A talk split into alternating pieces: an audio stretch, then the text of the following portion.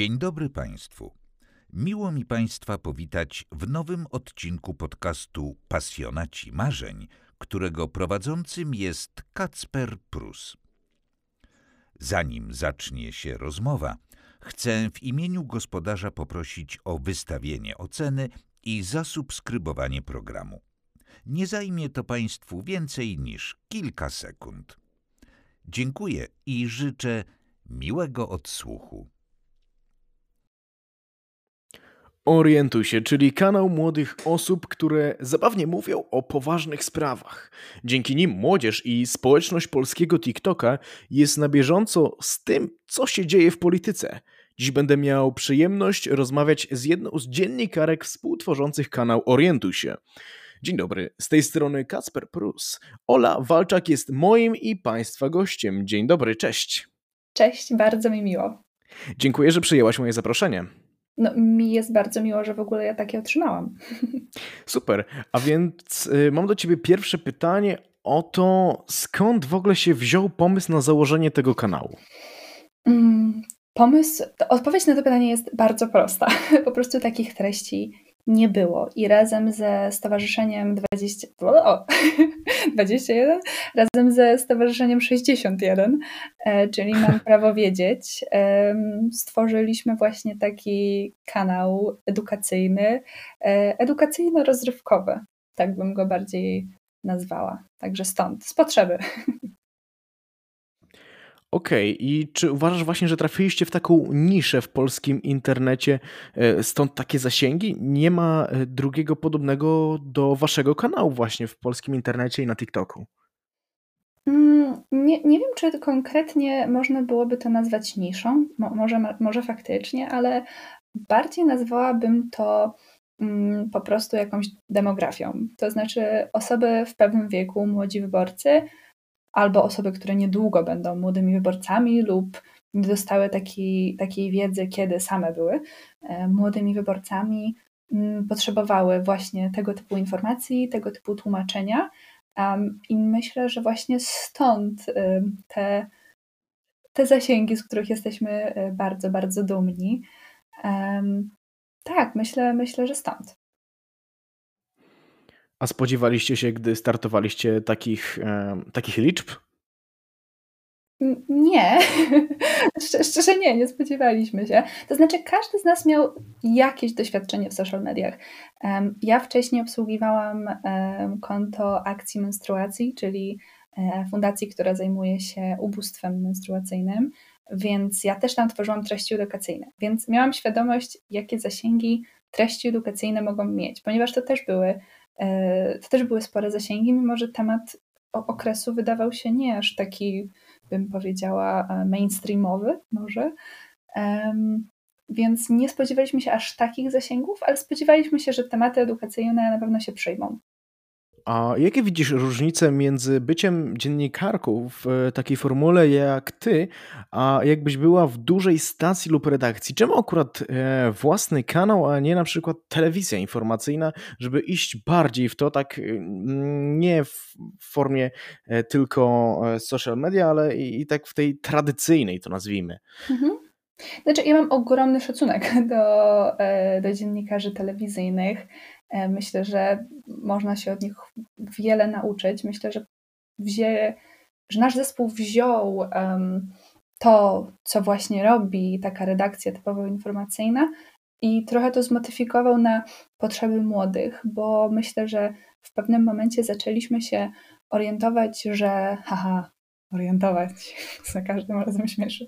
E, w pewnym momencie zaczęliśmy się faktycznie orientować, że um, jeśli młodzi nie przychodzą do takiej formy, jaka jest podawana w, mm, w, tradycyjnej, w tradycyjnych mediach, to może trzeba to zmodyfikować, zmodyfikować i przyjść do nich, bo nie możemy się obrażać na młodych, że nie interesują się polityką, tylko jeśli faktycznie zależy nam na tym, żeby zaczęli, no to musimy podać im to w jakiejś bardziej przystępnej formie, tak żeby polityka stała się takim tematem do rozmowy przy piwie, bym to nazwała, um, nawet wśród młodych. Także, um, także myślę, że dlatego nie, nie poszliśmy w tą tradycyjną formę, mimo że czasem nasze formaty są dosyć tradycyjne, jak, jak na przykład setki po prostu z politykami, ale zawsze staramy się jednak robić to z jakimś twistem, żeby, żeby jednak do tych, do tych młodych dotrzeć.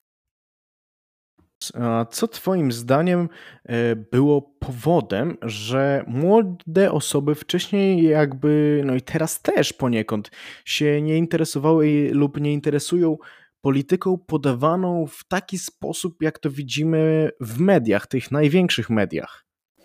Mhm, to jest bardzo dobre pytanie. To znaczy, myślę, że to nie jest kwestia tradycyjnych mediów, to jest kwestia samej polityki. Bo Przemek Staroń, ja tą myśl powtarzam bardzo często właśnie w takich, e, w tego typu rozmowach. Przemek Staroń powiedział taką super rzecz, że najpierw mówi się, że dzieci i ryby głosu nie mają, a potem jest wielki szok, że te dzieci, te młode osoby nie interesują się sprawami, którzy, którymi dorośli chcieliby, żeby się interesowali, żeby mówili tym swoim głosem o tych sprawach. Um, Także myślę, że to bardziej kwestia tego, że może młodzi weszli do Sejmu i że jeśli my mamy tą sprawczość, my młode, studiujące osoby, mm, jeśli my mogliśmy wejść do Sejmu i wejść w tą rozmowę z politykami, to myślę, że zyskaliśmy to zaufanie młodych osób, że my możemy zadać ich pytanie, my możemy mówić w sprawach, które są dla nich ważne, Mówimy, możemy mówić o, o ich problemach, no bo ponieważ to jest oczywiste, że w takiej tradycyjnej telewizji będziemy mówić o problemach wszystkich. I to nie jest tak, że my mówimy tylko o problemach młodych, ale, ale się na nich skupiamy. Także myślę, że dlatego tak chętnie młodzi sięgają po nasz kanał.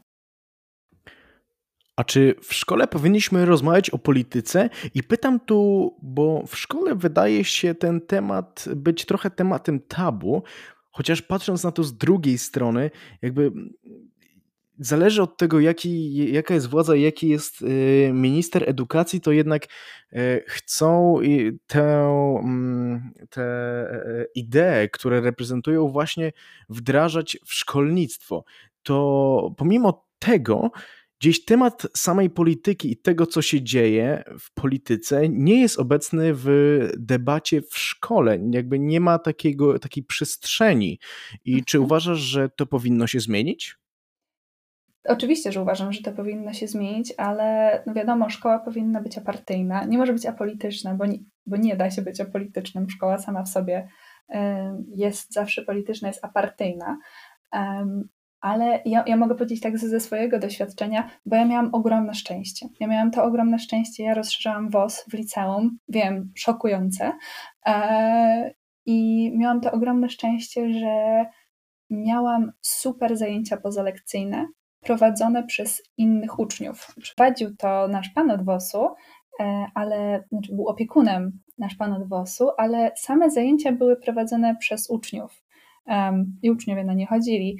E, I miałam właśnie kilka osób, które miały ogromny talent do, do przekazywania tej, mm, tej swojej wiedzy, ale też to stworzyło taką super przestrzeń do rozmawiania nie tylko o WOSie czy historii, e, ale o polityce. I mogliśmy dyskutować i ile tylko chcieliśmy, ile tylko chcieliśmy siedzieć w sali od WOS-u.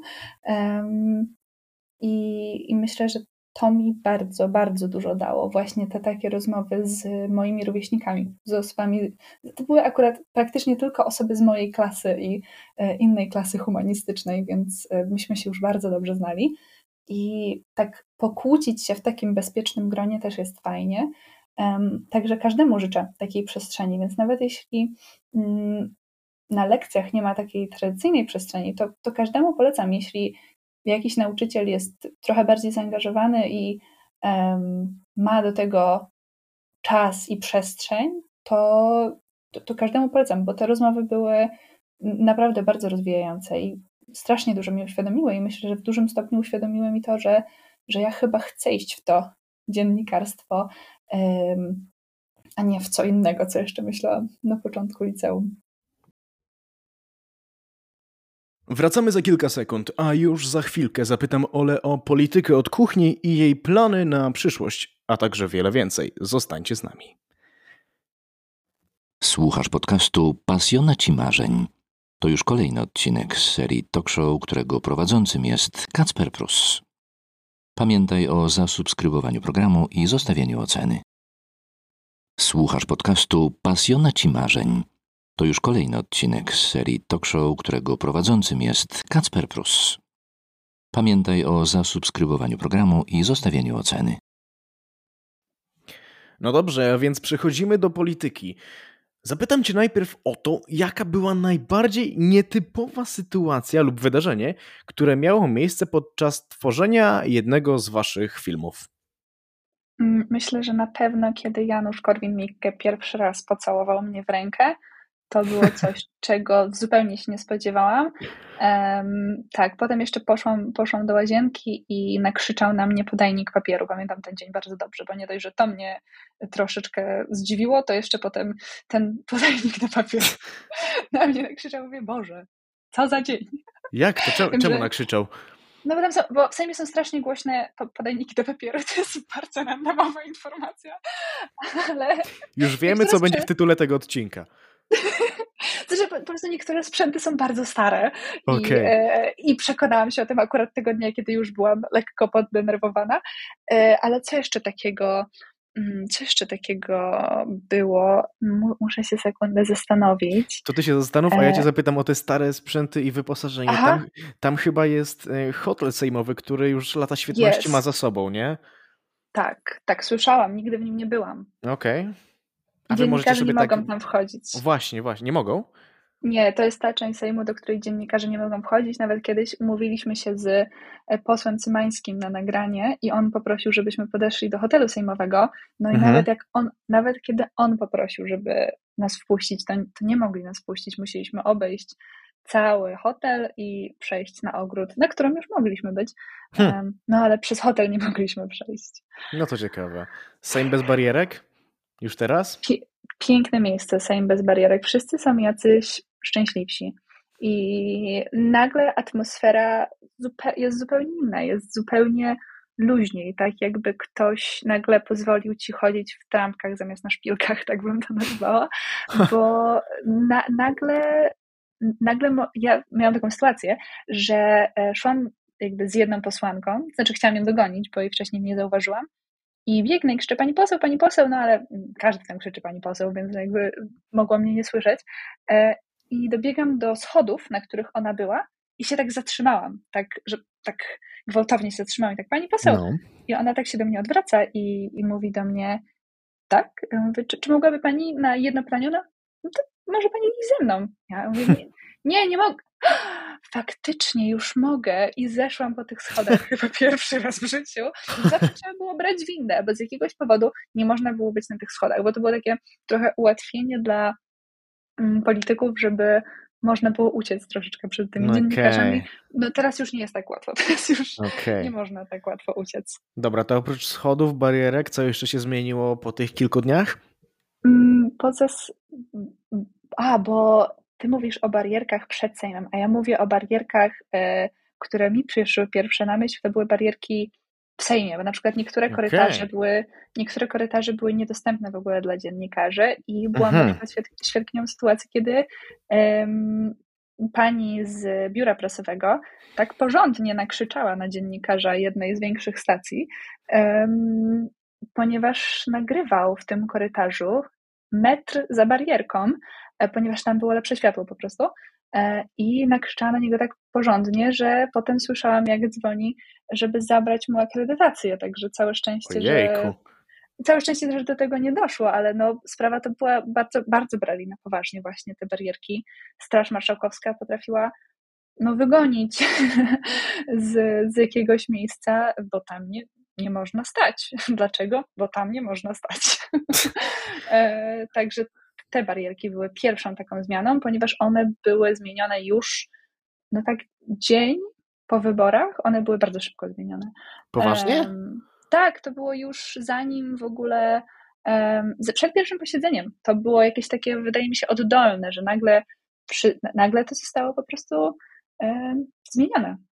Hmm, Być może, mo, może ja też nie byłam za często między posiedzeniami, może wtedy nie zwróciłam na to uwagi, ale na pewno dużo barierek zniknęło nawet przed pierwszym posiedzeniem.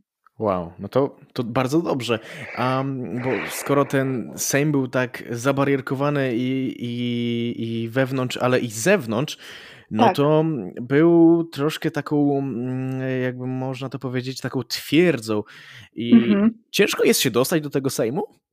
W sensie nie mówię jako polityk, tylko, tylko czy ciężko jest się dostać Tak. jako dziennikarz, dziennikarka? Ciężko. To znaczy na początku, bo my teraz mamy takie mm, roczne przepustki, e, o które można się ubiegać tylko przez dwa tygodnie w grudniu. Nie można pominąć tego terminu, ale kiedy my zaczynaliśmy, to już było po tym terminie, także musieliśmy co wejście starać się o pojedynczą wejściówkę. E, No i na taką wejściówkę czasem czeka się godzinę, czasem półtorej godziny. No czasem w ogóle nie chcą ci jej dać, ponieważ faks nie przyszedł, ponieważ tam jeszcze funkcjonuje system faksowy, coś musi przejść faksem. Em, Także to, to było trudne. Załatwianie tego też pamiętam, to był bardzo ciekawy dzień, ponieważ ja nie mam prawa jazdy, więc kiedy załatwiałam te dokumenty dla mnie, e, dla moich kolegów i koleżanek e, Zorientuj się, to e, pamiętam właśnie też było dużo jeżdżenia z jednego punktu do drugiego punktu. Więc tak, troszeczkę trzeba się nachodzić. Praca dziennikarza to jest w dużej mierze czekanie i to się, to się w zupełności sprawdza. Nawet A to, w- to Radomir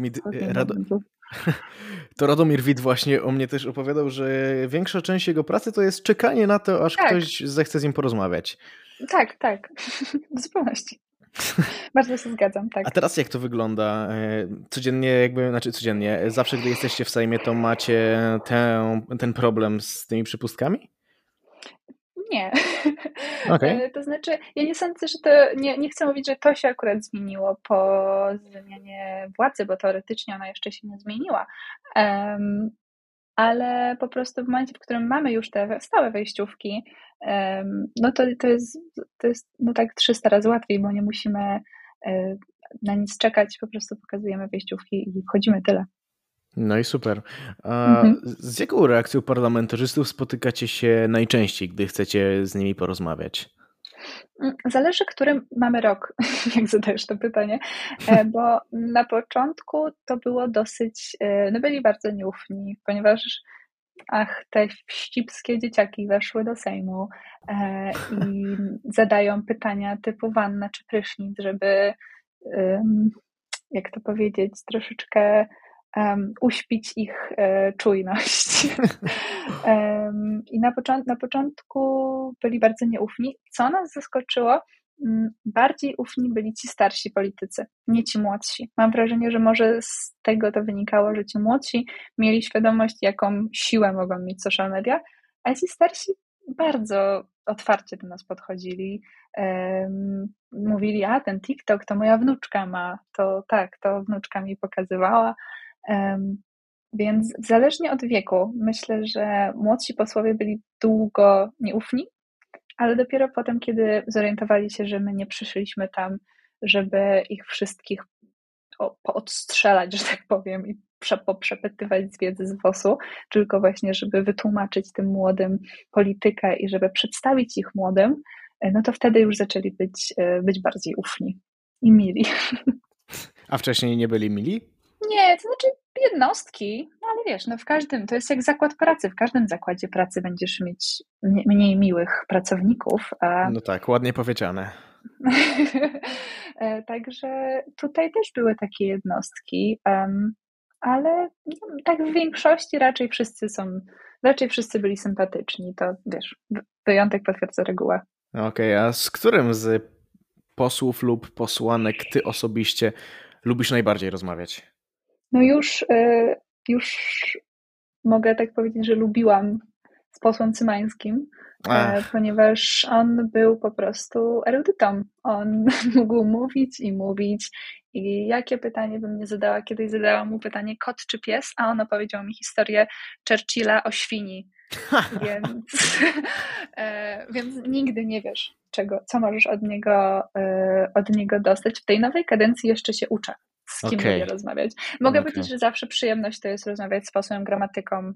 Zawsze też bardzo e, anegdotki e, lubi różne opowiadać. E, Pani posłanka Wanda Nowicka, też przemiła osoba. Em, Tak, więc jakby z każdej opcji znajdą się posłowie, z którymi możemy tak miło porozmawiać. No teraz trochę musisz się nauczyć od nowa, no bo przecież jest tak, tak. dużo nowych, nie? Tak, tak. Ja mam taki sposób i tutaj jeśli ktoś y, kiedyś z Was słuchających będzie dziennikarzem, y, reporterem sejmowym, to sprzedam, sprzedam mój, mój sposób na Słuchamy. rozpoznanie tego, czy ktoś jest posłem, czy nie. Bo w dużej mierze to, to są starsi panowie w garniturach. I nie mówię tego, żeby być złośliwa, tylko po prostu tak jest, a przynajmniej na pewno było. Um, więc czasem już traci się tą rachubę, czy ktoś jest posłem, czy ktoś pracuje w biurze prasowym, e, czy ktoś przyszedł na przepustce, ale tą przepustkę ma za marynarką, więc ja brałam telefon, e, przykładałam telefon do ucha i mówiłam: Dzień dobry, panie pośle. I jeśli ten ktoś się odwracał, to oznaczało, że jest posłem. A jeśli się nie odwracam, to udawałam przez kilka sekund, że rozmawiam przez telefon, żeby nie wyszło, że, e, że mówię w eter. I, i, to, I to działa. To miało jakieś tak. Zawsze działało. Także polecam tę metodę. Okej, okay, okej. Okay. Także osoby, które będą chciały iść tą drogą, niech zapamiętają ten sposób, mm -hmm. który nie jest oczywisty. Tak. Już was politycy kojarzą? Tak, już nas kojarzą. Wiadomo, nie, nie wszyscy teraz, e, duża część jest nowych polityków, e, ale nawet ci nowi wspominali, że oglądali nas w kampanii albo ktoś im pokazywał nasze materiały, także duża część tych nowych polityków e, też nas kojarzy, ale są oczywiście tacy nowi, którym musimy wytłumaczyć, czym my się zajmujemy i kim my w ogóle jesteśmy i co to za mało lat w Sejmie. No tak, a jak utrzymujesz i utrzymujecie równowagę między przekazywaniem poważnych informacji no, o polityce, a zachowaniem lekkiego tonu charakterystycznego dla TikToka? To było trudne. To było trudne, bo, bo musimy pamiętać, żeby nie brać siebie zbyt poważnie, ale też, żeby to nie były treści infantylne, żeby nie traktować naszych widzów jak kosmitów, ale też, żeby pamiętać, że nie wszystko jest takie oczywiste dla nas, którzy zajmujemy się polityką na co dzień, a, naszym, a, a dla naszych widzów, którzy tą polityką nie zajmują się na co dzień, nie muszą. Więc myślę, że bardzo ważne było takie wyjście troszkę z własnej głowy, stanięcie obok siebie i posłuchanie tego jako ja z gimnazjum na przykład, albo jako moja koleżanka studiująca medycynę, która jest niesamowicie inteligentną osobą, ale polityka średnio ją interesuje. Um, więc y, myślę, że to było takie bardzo ważne patrzenie na to z takiej perspektywy trzeciej osoby, niekoniecznie y, jak ja na to patrzę, no bo wszyscy jesteśmy w bańkach. Um, no i też y, takie pamiętanie o tym, że to jest nasz kanał i my nie udajemy, my nie udajemy dziennikarzy, tylko my nim jesteśmy, mimo że są różne głosy. To, to Jak to? no, zaraz do tego wrócę, ale Dobra. Że, że nimi jesteśmy, to um, że to dziennik, te, te, materiały będą takie, jakie my chcemy, żeby one były. Jeśli my chcemy, żeby one były troszeczkę, tak, że tak powiem, z, no, bazowane na żarcie, to, to będą. I to, że są zabawne, nie oznacza, że są w jakiś sposób mniej informacyjne i, i głupsze. także tak, a co do tego, że nie wszyscy uważają, że jesteśmy dziennikarzami, no, niektórzy zwyczajnie uważają, że jesteśmy influencerami. Ja też tam podejście szanuję, bo takie mają klasyczne podejście, że jeśli tworzymy tylko na TikToku i Instagramie, no to influencerzy tam tworzą.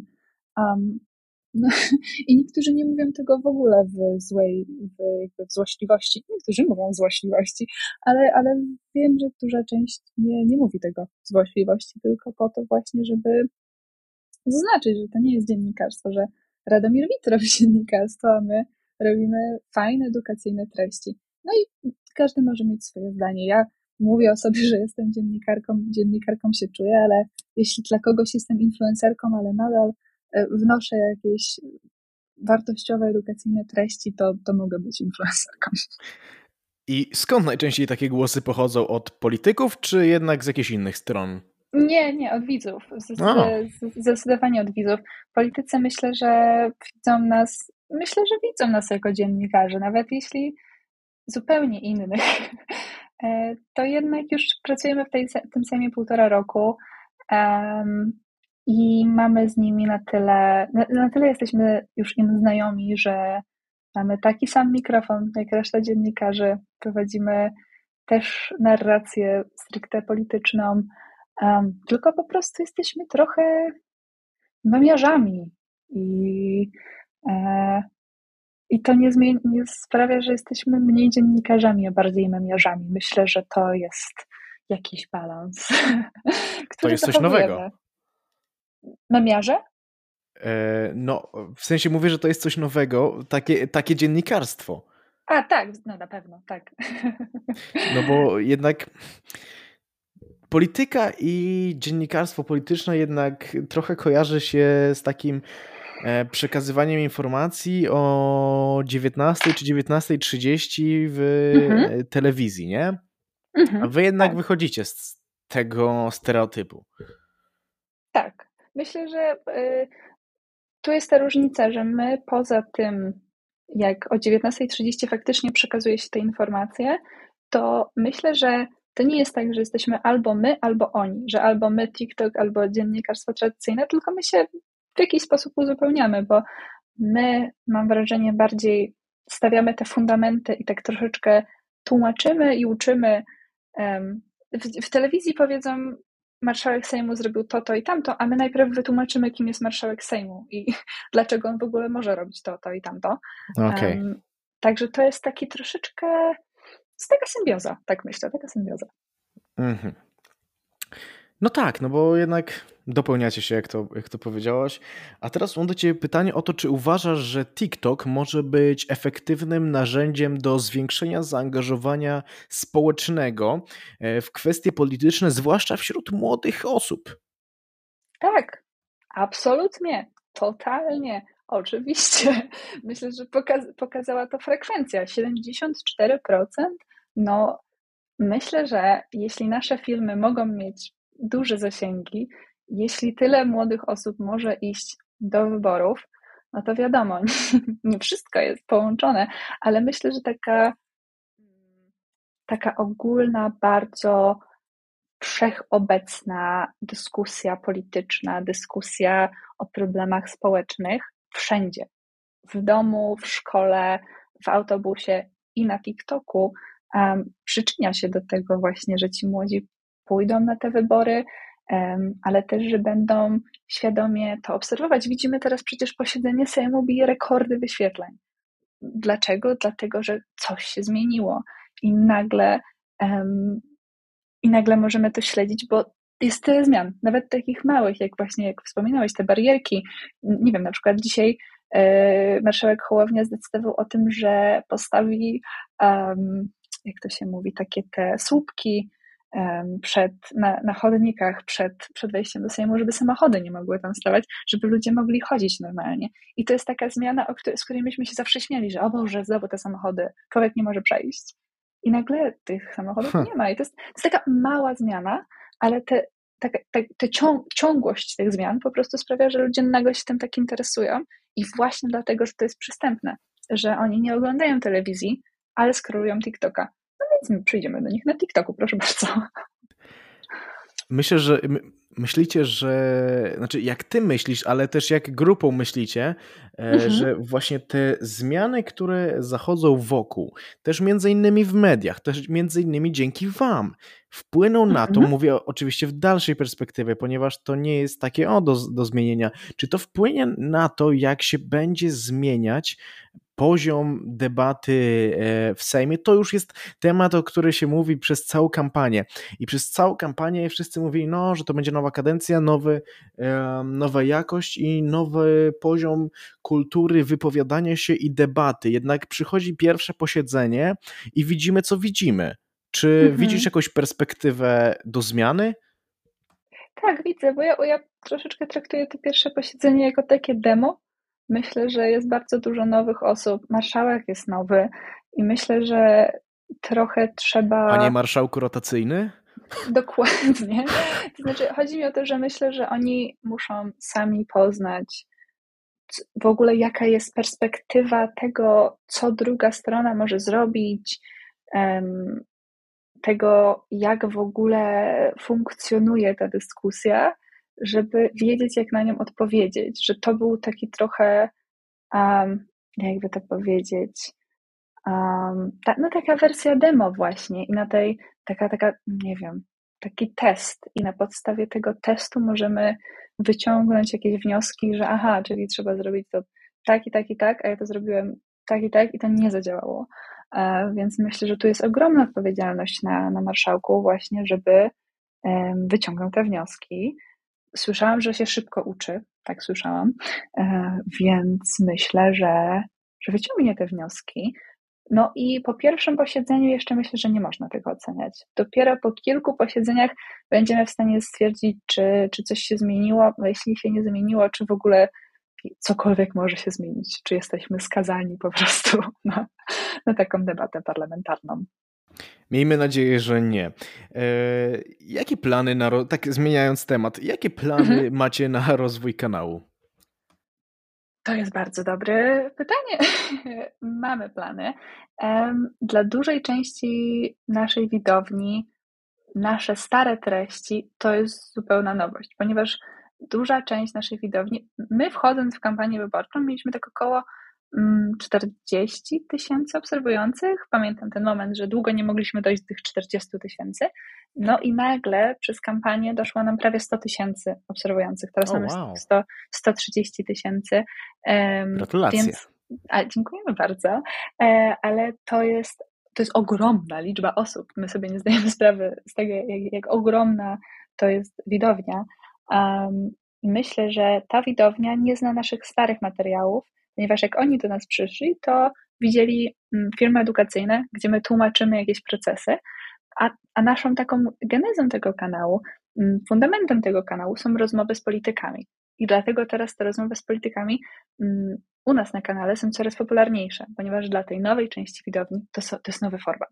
Także póki co chcemy przedstawić te nowe twarze i te stare twarze e, naszym, naszym widzom. I potem będziemy się rozwijać, no bo wiesz, przed nami wybory samorządowe, wybory do Europarlamentu, więc tych treści wyborczych no, nie zabraknie na pewno w przyszłym roku. Um, I myślę, że będziemy się. Nie, nie mogę wszystkiego zdradzać. Mamy pomysły na, na nowe formaty, e, ale póki co chcemy skupić się na tej edukacji i na tych um, twarzach w Sejmie. Okej. Okay. A gdzie ty widzisz siebie za 10 lat? Chcesz dalej działać w tej dziedzinie? Na pewno chcę być dziennikarką. To mi już utwierdziło, że um, moją ulubioną częścią tego wszystkiego są wywiady. Że oczywiście uwielbiam tworzyć nasze śmieszne filmiki, uwielbiam tworzyć jakieś filmy pod trendy i treści edukacyjne, ale taką moją no, no personalnie ulubioną formą są wywiady i myślę, że na pewno chciałabym w tym zostać um, i być w tym coraz lepsza. Um, także chciałabym jeszcze na, na długo w tym Sejmie zostać. Mam nadzieję, że będzie mi dane.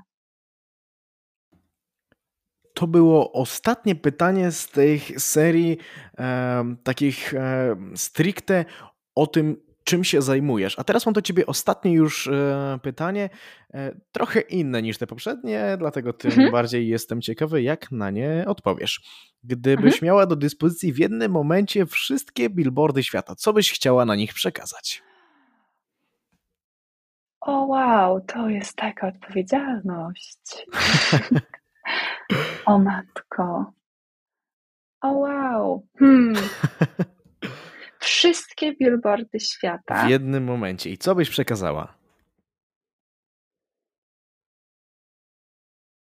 Hmm.